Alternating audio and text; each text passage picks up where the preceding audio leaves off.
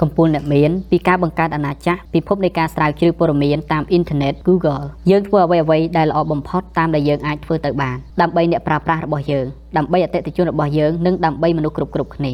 Larry Page គោលដៅរបស់យើងគឺរៀបចំព័ត៌មានរបស់ពិភពលោកបេសកកម្មរបស់យើងគឺធ្វើឲ្យព័ត៌មានទាំងនោះអាចប្រើប្រាស់បានទាំងមានប្រយោជន៍ជាសកល Larry Page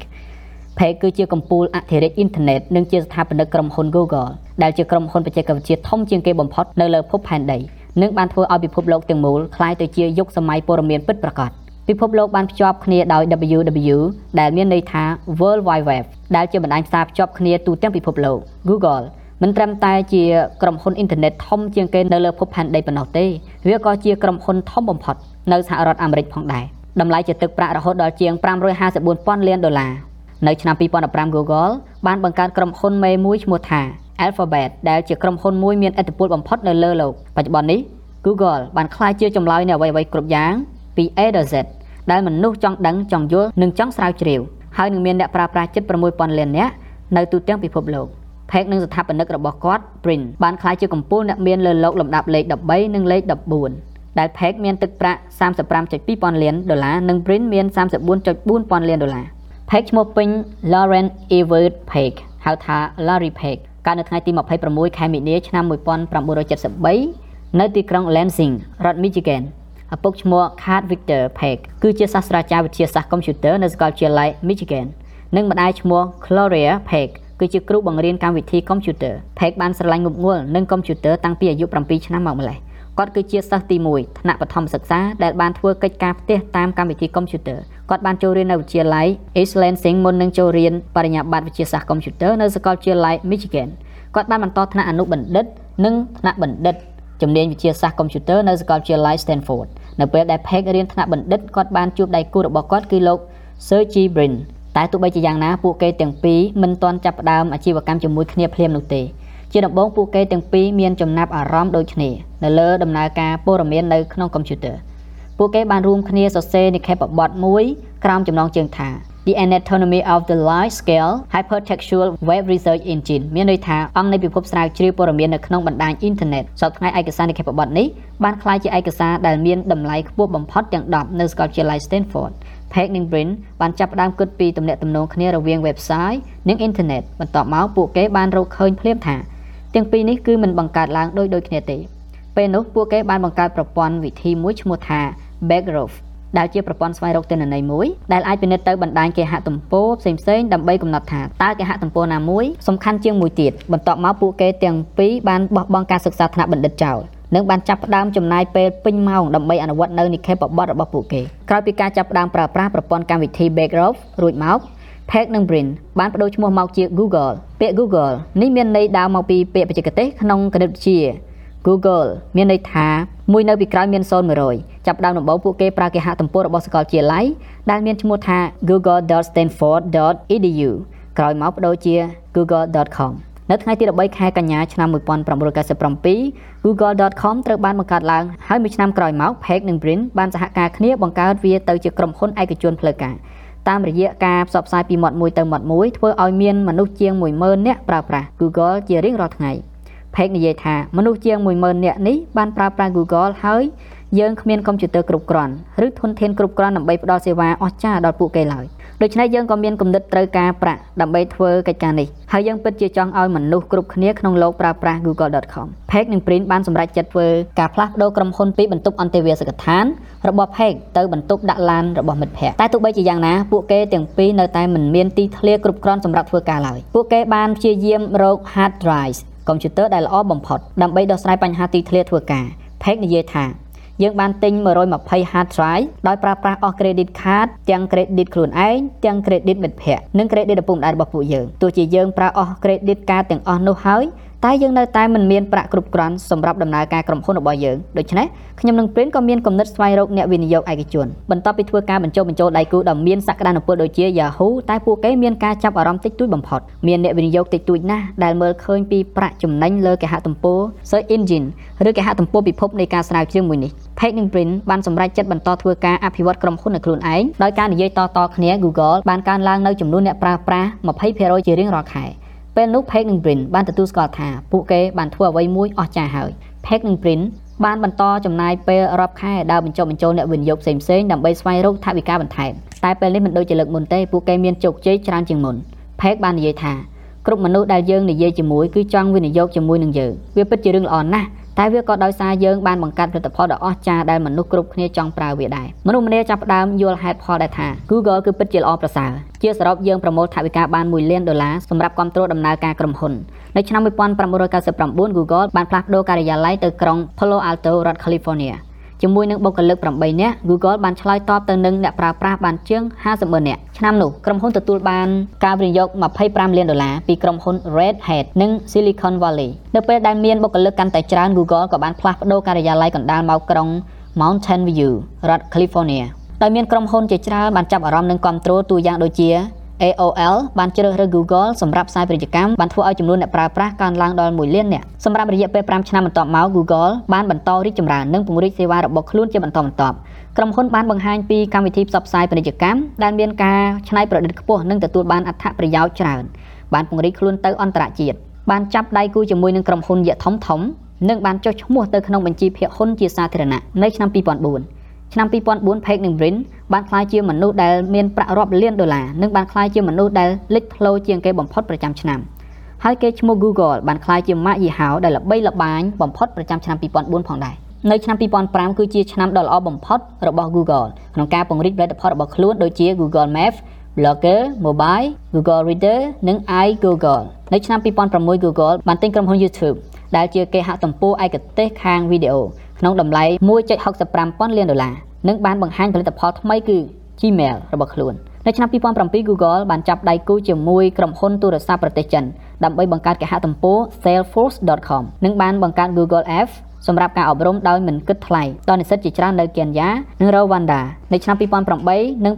2009 Google បានសម្ពោធផលិតផល Google Size Google Earth Google Hill និង Google Ventures នៅឆ្នាំ2011 Page ក្នុងនាមជា CEO របស់ Google គាត់បានចែករំលែកការទទួលខុសត្រូវប្រចាំថ្ងៃទៅ Print និង Eric Smith ជាប្រធានក្រុមប្រឹក្សាភិបាល នៅឆ្នាំ2013ទស្សនាវដ្តី Forbes បានធ្វើចំណាត់ថ្នាក់ផេកជាកំពូលអ្នកមានលេខទី13នៅសហរដ្ឋអាមេរិកនិងជាកំពូលមនុស្សដែលមានឥទ្ធិពលបំផុតលើលោកនៅឆ្នាំ2014ទស្សនាវដ្តី Fortune បានធ្វើចំណាត់ថ្នាក់ផេកជាកំពូល CEO ដែលមានមហិច្ឆតាបំផុតលើលោកនិងជាកំពូលអ្នកដឹកនាំដែលមានឥទ្ធិពលបំផុតក្នុងលោកផងដែរបច្ចុប្បន្ន2015 Google បានបង្កើតក្រុមហ៊ុនមេមួយឈ្មោះថា Alphabet ជាក្រុមហ៊ុនមួយដែលមានឥទ្ធិពលបំផុតនិងលំដាប់ធំបំផុតនៅសហរដ្ឋអាមេរិក ដែលមានតម្លៃជាទឹកប្រាក់សរុបជាង554,000លានដុល្លារបច្ចុប្បន្ន Google បានក្លាយជាចម្លើយនៃអ្វីៗគ្រប់យ៉ាងពី A ដល់ Z ដែលមនុស្សចង់ដឹងចង់យល់និងមានអ្នកប្រើប្រាស់ជិត6,000លាននាក់ជារៀងរាល់ថ្ងៃនៅទូទាំងពិភពលោកភាពជាអ្នកដឹកនាំសំខាន់ៗរបស់ Larry Page ទី1មិនធ្វើអំពើអាក្រក់យើងធ្វើអ្វីៗដែលល្អបំផុតតាមដែលយើងអាចធ្វើទៅបានដើម្បីអ្នកប្រើប្រាស់របស់យើងដើម្បីអតិថិជនរបស់យើងនិងដើម្បីមនុស្សគ្រប់គ្នា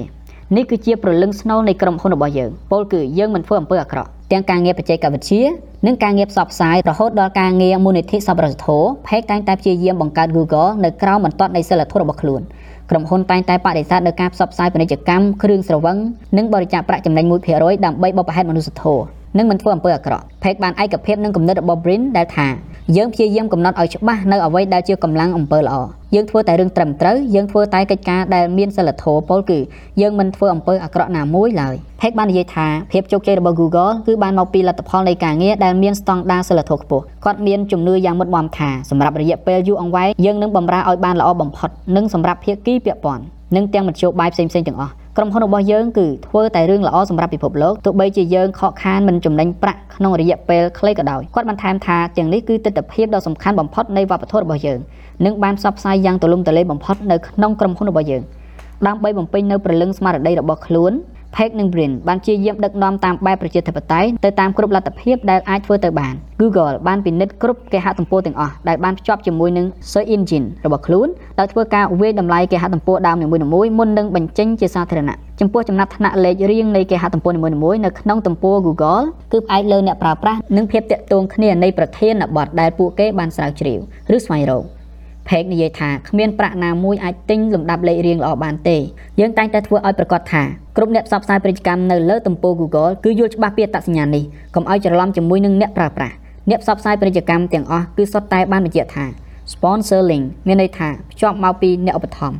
Google បានផ្ដល់ជំនួយជាក់លាក់ទៅស្ថាប័នអង្គការមិនមែនរដ្ឋាភិបាលឲ្យធ្វើការផ្សព្វផ្សាយពាណិជ្ជកម្មដោយឥតគិតថ្លៃ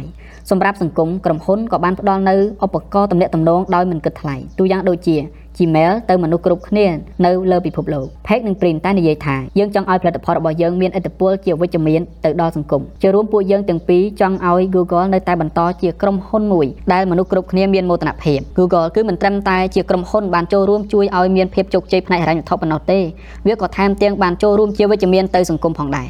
Page មានជំនឿថាការដែលយើងមិនធ្វើអំពើអាក្រក់គឺវាមិនទាន់គ្រប់គ្រាន់ទេតែយើងត្រូវតែធ្វើអំពើល្អថែមទៀតផងដែរ ទី2សម្លឹងទៅអនាគតយើងកំពុងតែផ្ដោតលើការច្នៃប្រឌិតផេកនិយាយថាសុបិនដែលបានចាប់កំណត់តាំងពី25ឆ្នាំមុនគឺមិនទាន់បានសម្រេចនៅឡើយទេមិនថាប្រព័ន្ធកម្មវិធីរបស់យើងបានក្លាយជាឧបករណ៍ដ៏មហិមាសម្រាប់កិច្ចសហការនិងមានប្រសិទ្ធភាពយ៉ាងណានោះទេក៏ការងាររបស់យើងនៅតែមិនទាន់បានសម្រេចដែរគ្មានអ្វីរីករាយជាងការងារនោះទេអ្វីបើបានបង្កើត Google ជាក្រុមហ៊ុនអ៊ីនធឺណិតដែលជោគជ័យបំផុតមួយនៅក្នុងប្រវត្តិសាស្ត្រក៏ដោយក៏ Page និង Brin មិនទាន់ពេញចិត្តជាមួយនឹងជោគជ័យទាំងនោះដែរ ពួកគេនិយាយថាវាពិតជានៅមានរឿងច្រើនណាស់ដែលត្រូវធ្វើការអភិវឌ្ឍបន្តទៀតគ្មានរឿងអ្វីមួយដែលយើងមិនអាចបំបែកបាននោះទេ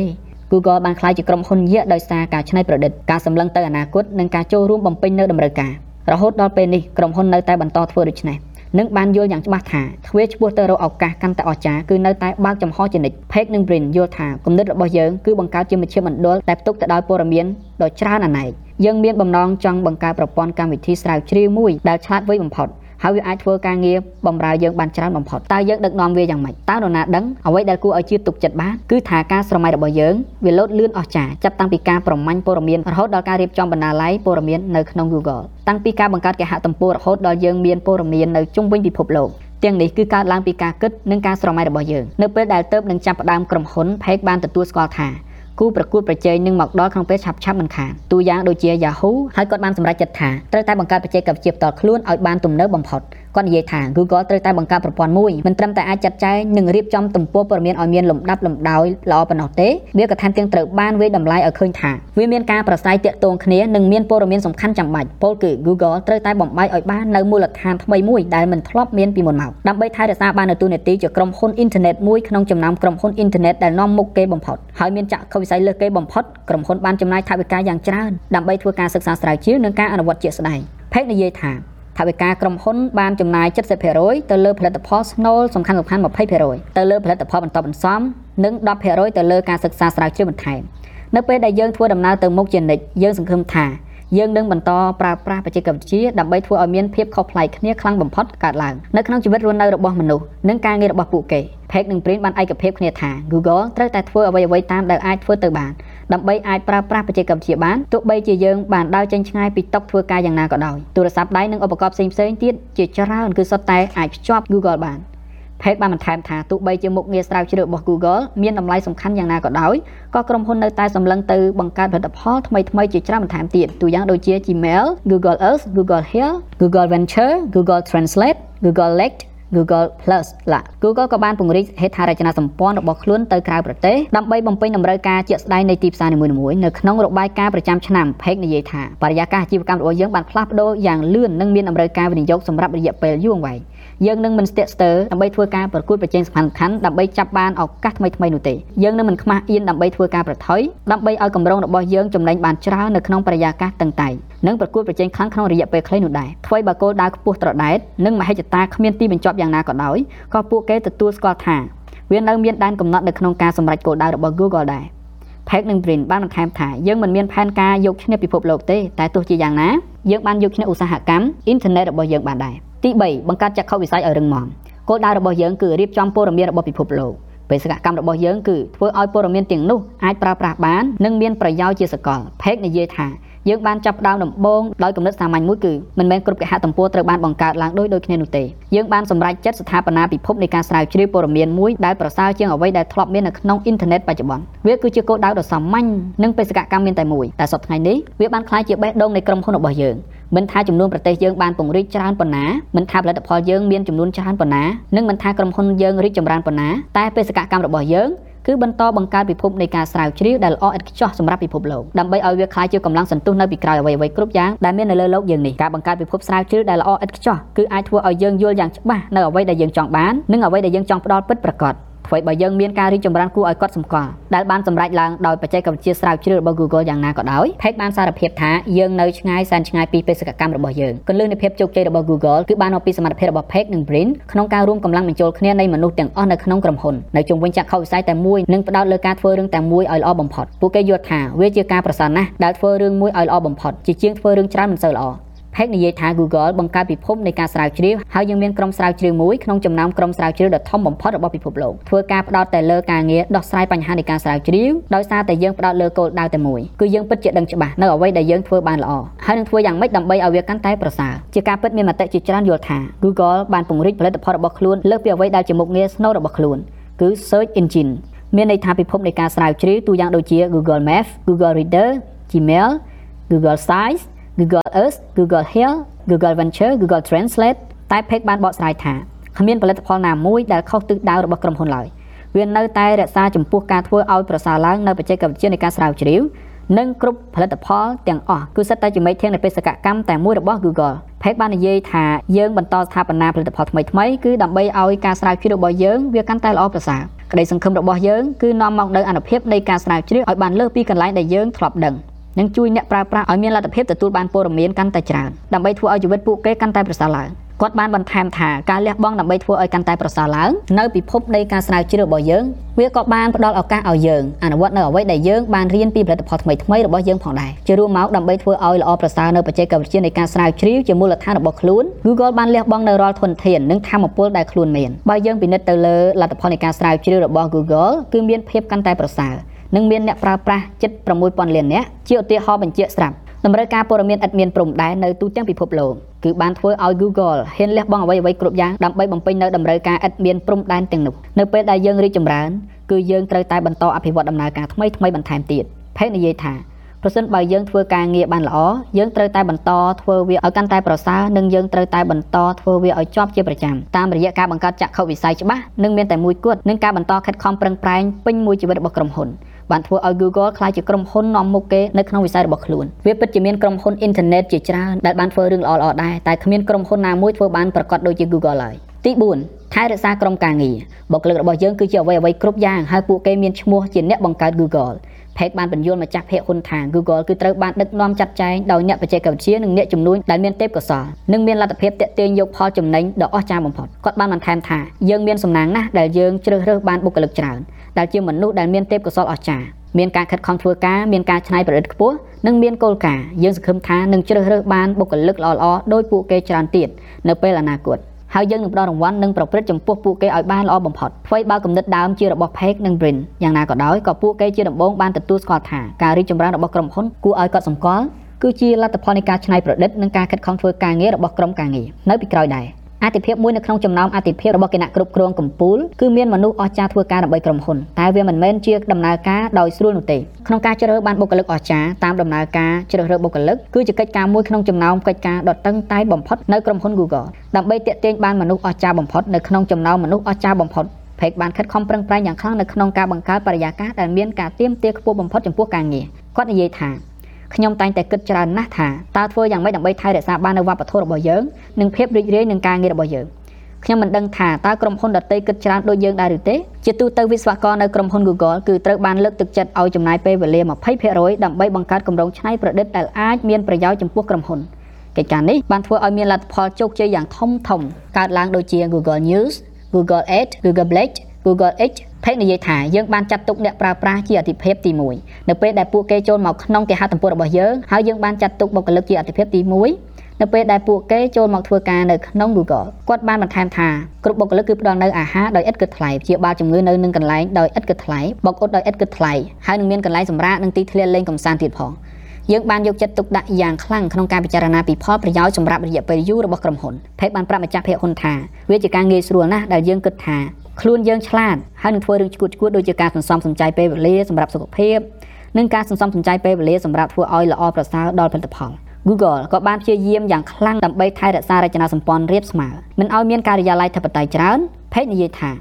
ប្រសិនបើយើងដឹកនាំក្រុមហ៊ុនមួយឲ្យមានកិច្ចសហការគ្នាច្រើននោះយើងនឹងទទួលបានលទ្ធផលកាន់តែល្អប្រសើរកាលណាយើងមានអ្នកចូលរួមច្រើនវានឹងមានដំណើរការត្រួតពិនិត្យច្រើននិងមានតុល្យភាពច្រើនយើងបង្កើតឲ្យមានជញ្ជាំងខណ្ឌឬរបាំងតិចបំផុតរវាងគណៈគ្រប់គ្រងនិងអ្នកបង្កើតកម្មវិធីរបស់យើងជាងនេះទៅទៀត Google បានព្យាយាមឲ្យបុគ្គលិកធ្វើការជាមួយគ្នាដើម្បីបង្កើនប្រសិទ្ធភាពឲ្យបានច្រើនតាមដែលអាចធ្វើទៅបាននិងដើម្បីបង្កើតបរិយាកាសពោពេញទៅដោយធម៌ពល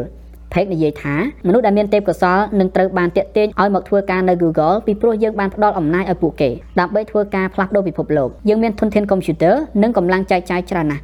ដែលអាចធ្វើឲ្យបុគ្គលិកម្នាក់ៗធ្វើអ្វីមួយឲ្យមានភាពខុសប្លែកកើតឡើងផេកជឿថាដោយសារតែបុគ្គលិករបស់យើងមានភាពម្ចាស់ការនិងដើរតួនាទីសំខាន់ខ្លាំងនៅក្នុងក្រុមហ៊ុនទើបធ្វើឲ្យ Google មានថ្ងៃនេះដោយសារតែបុគ្គលិកមានទេពកោសល្យបានធ្វើឲ្យ Google បាននឹងកំពុងធ្វើកិច្ចការងារដ៏អស្ចារ្យនៅស្ទើរតែគ្រប់ផ្នែកនៃវិទ្យាសាស្ត្រកុំព្យូទ័រ គាត់បន្ថែមថាអត្ថប្រយោជន៍ដ៏សំខាន់បំផុតរបស់យើងគឺមានកន្លែងធ្វើការងារមួយដែលមានគម្រោងសំខាន់សំខាន់ជាច្រើនដែលអាចផ្ដល់ឲ្យបុគ្គលិកគ្រប់គ្នាចូលរួមនិងធ្វើវាឲ្យរីកចម្រើនទី5ផ្ដោតលើអ្នកប្រើប្រាស់បំរើអតិថិជនគឺជាបេះដូងនៃអ្វីៗដែលយើងធ្វើហើយយើងថែរក្សាវាជាអាទិភាពទី1ផេកនិយាយថា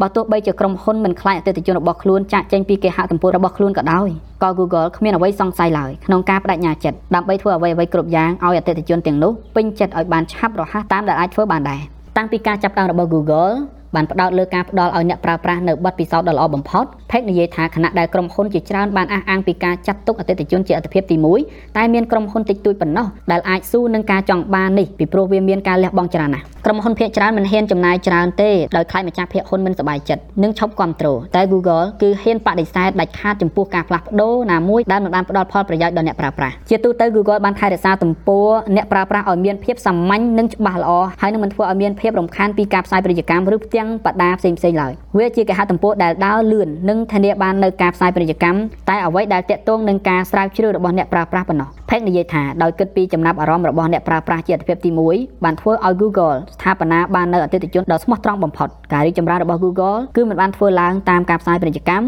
ឬតាមកញ្ចក់ទូរទស្សន៍ទេតែធ្វើយើងឡើងមកតាមរយៈការវិនិយោគតៗគ្នារបស់អ្នកពេញចិត្តមួយទៅអ្នកពេញចិត្តមួយទៀតតែប៉ុណ្ណោះផេកបានអះអាងថាគន្លឹះដែលធ្វើឲ្យអ្នកប្រើប្រាស់ពេញចិត្តគឺបង្កើតកញ្ចប់ការងារទាំងមូលស្រាលស្រាលនិងផ្ដល់ដល់អ្នកប្រើប្រាស់នៅអារម្មណ៍រីករាយភ្លាមៗគាត់និយាយថានៅពេលអ្នកចង់បានចម្លើយគឺអ្នកចង់បានវាភ្លាមតើនរណាអាចជំទាស់នឹងអ្នកបានទាំងនេះគឺជាមូលហេតុដែលខ្ញុំនិងក្រុមការងារបានធ្វើការកត់សម្គាល់នៅលើទំព័ររបស់អ្នកប្រើប្រាស់ជាច្រើនដើម្បីបង្កើនប្រសិទ្ធភាពនៃប្រព័ន្ធទិន្នន័យនិងល្បឿនកាន់តែលឿនគ្រប់ពេលក្រុមការងារត្រូវការប្រព័ន្ធផ្ទុកទិន្នន័យឲ្យកាន់តែធំ ឲ្យកាន់តែលឿននិងឲ្យកាន់តែទំនើប Google បានបង្កើតប្រព័ន្ធបណ្ដាញការងារលឿនជាងគេបំផុតនៅពេលក្រុមហ៊ុនផ្សេងទទួលយកល្បឿនមានកំណត់តែ Google នៅតែបន្តធ្វើកិច្ចការងារដើម្បីធ្វើឲ្យល្បឿនគ្មានកំណត់និងកាន់តែលឿនជាងមុនផ្អែកលើបទពិសោធន៍នេះ Page បានរៀនពីតម្លៃនៃការអនុវត្តជាក់ស្ដែងនិងការបង្កើតថ្មីគាត់មិនខ្លាចក្នុងការព្យាយាមធ្វើអ្វីថ្មីនិងរៀនពីលទ្ធផលដែលបានកើតឡើងនោះទេអ្វីៗគឺដើម្បីធ្វើឲ្យប្រសើរឡើងដល់បទពិសោធន៍នៃអ្នកប្រើប្រាស់ផេកបាននិយាយថាយើងបានព្យាយាមខ្លាំងណាស់ដើម្បីរកឲ្យឃើញនៅតម្រូវការរបស់អ្នកប្រើប្រាស់តែយើងនៅតែមិនទាន់រកឃើញតតែសោះ តែទោះបីជាយ៉ាងណាភស្តុតាងដែលសំខាន់បំផុតសម្រាប់ Google គឺនៅលើអ្នកប្រើប្រាស់ដែលជាអ្នកកំណត់នៅលទ្ធផលនៃការស្រាវជ្រាវរបស់ខ្លួនតែផ្ទុយទៅនឹងអ្នកបង្កើតចាស់ចាស់ Google បានធ្វើបដិវត្តបច្ចេកវិទ្យាអ៊ីនធឺណិតសម្រាប់ពិភពលោកទាំងមូលពេលនេះយុគសម័យព័ត៌មានគឺពិតជាបានកើតឡើងពិតប្រាកដសម្រាប់មនុស្សគ្រប់គ្នាគ្រប់ទីកន្លែងដែលមានអ៊ីនធឺណិតរាល់ព័ត៌មានដែលយើងប្រាថ្នាចង់ដឹងចង់យល់គឺមាននៅក្នុងក្រុមហ៊ុន Alphabet ជាពិសេស Google និង YouTube ភេទនិយាយថាយើងពិតជាមានទម្ងន់នៃការទទួលខុសត្រូវខ្លាំងណាស់នៅលើកិច្ចការនេះ ពីព្រោះយើងមានមនុស្សច្រើនណាស់បាននឹងកំពុងពឹងពាក់លើយើងមនុស្សដែលមានទេពកោសល្យនឹងត្រូវបានតាក់ទាញឲ្យមកធ្វើការនៅ Google ពីព្រោះយើងបានផ្ដល់អំណាចឲ្យពួកគេដើម្បីធ្វើការផ្លាស់ប្ដូរពិភពលោក Larry Page ជីវប្រវត្តិនិងភាពជាអ្នកដឹកនាំរបស់ Larry Page ចប់តែប៉ុណ្ណេះ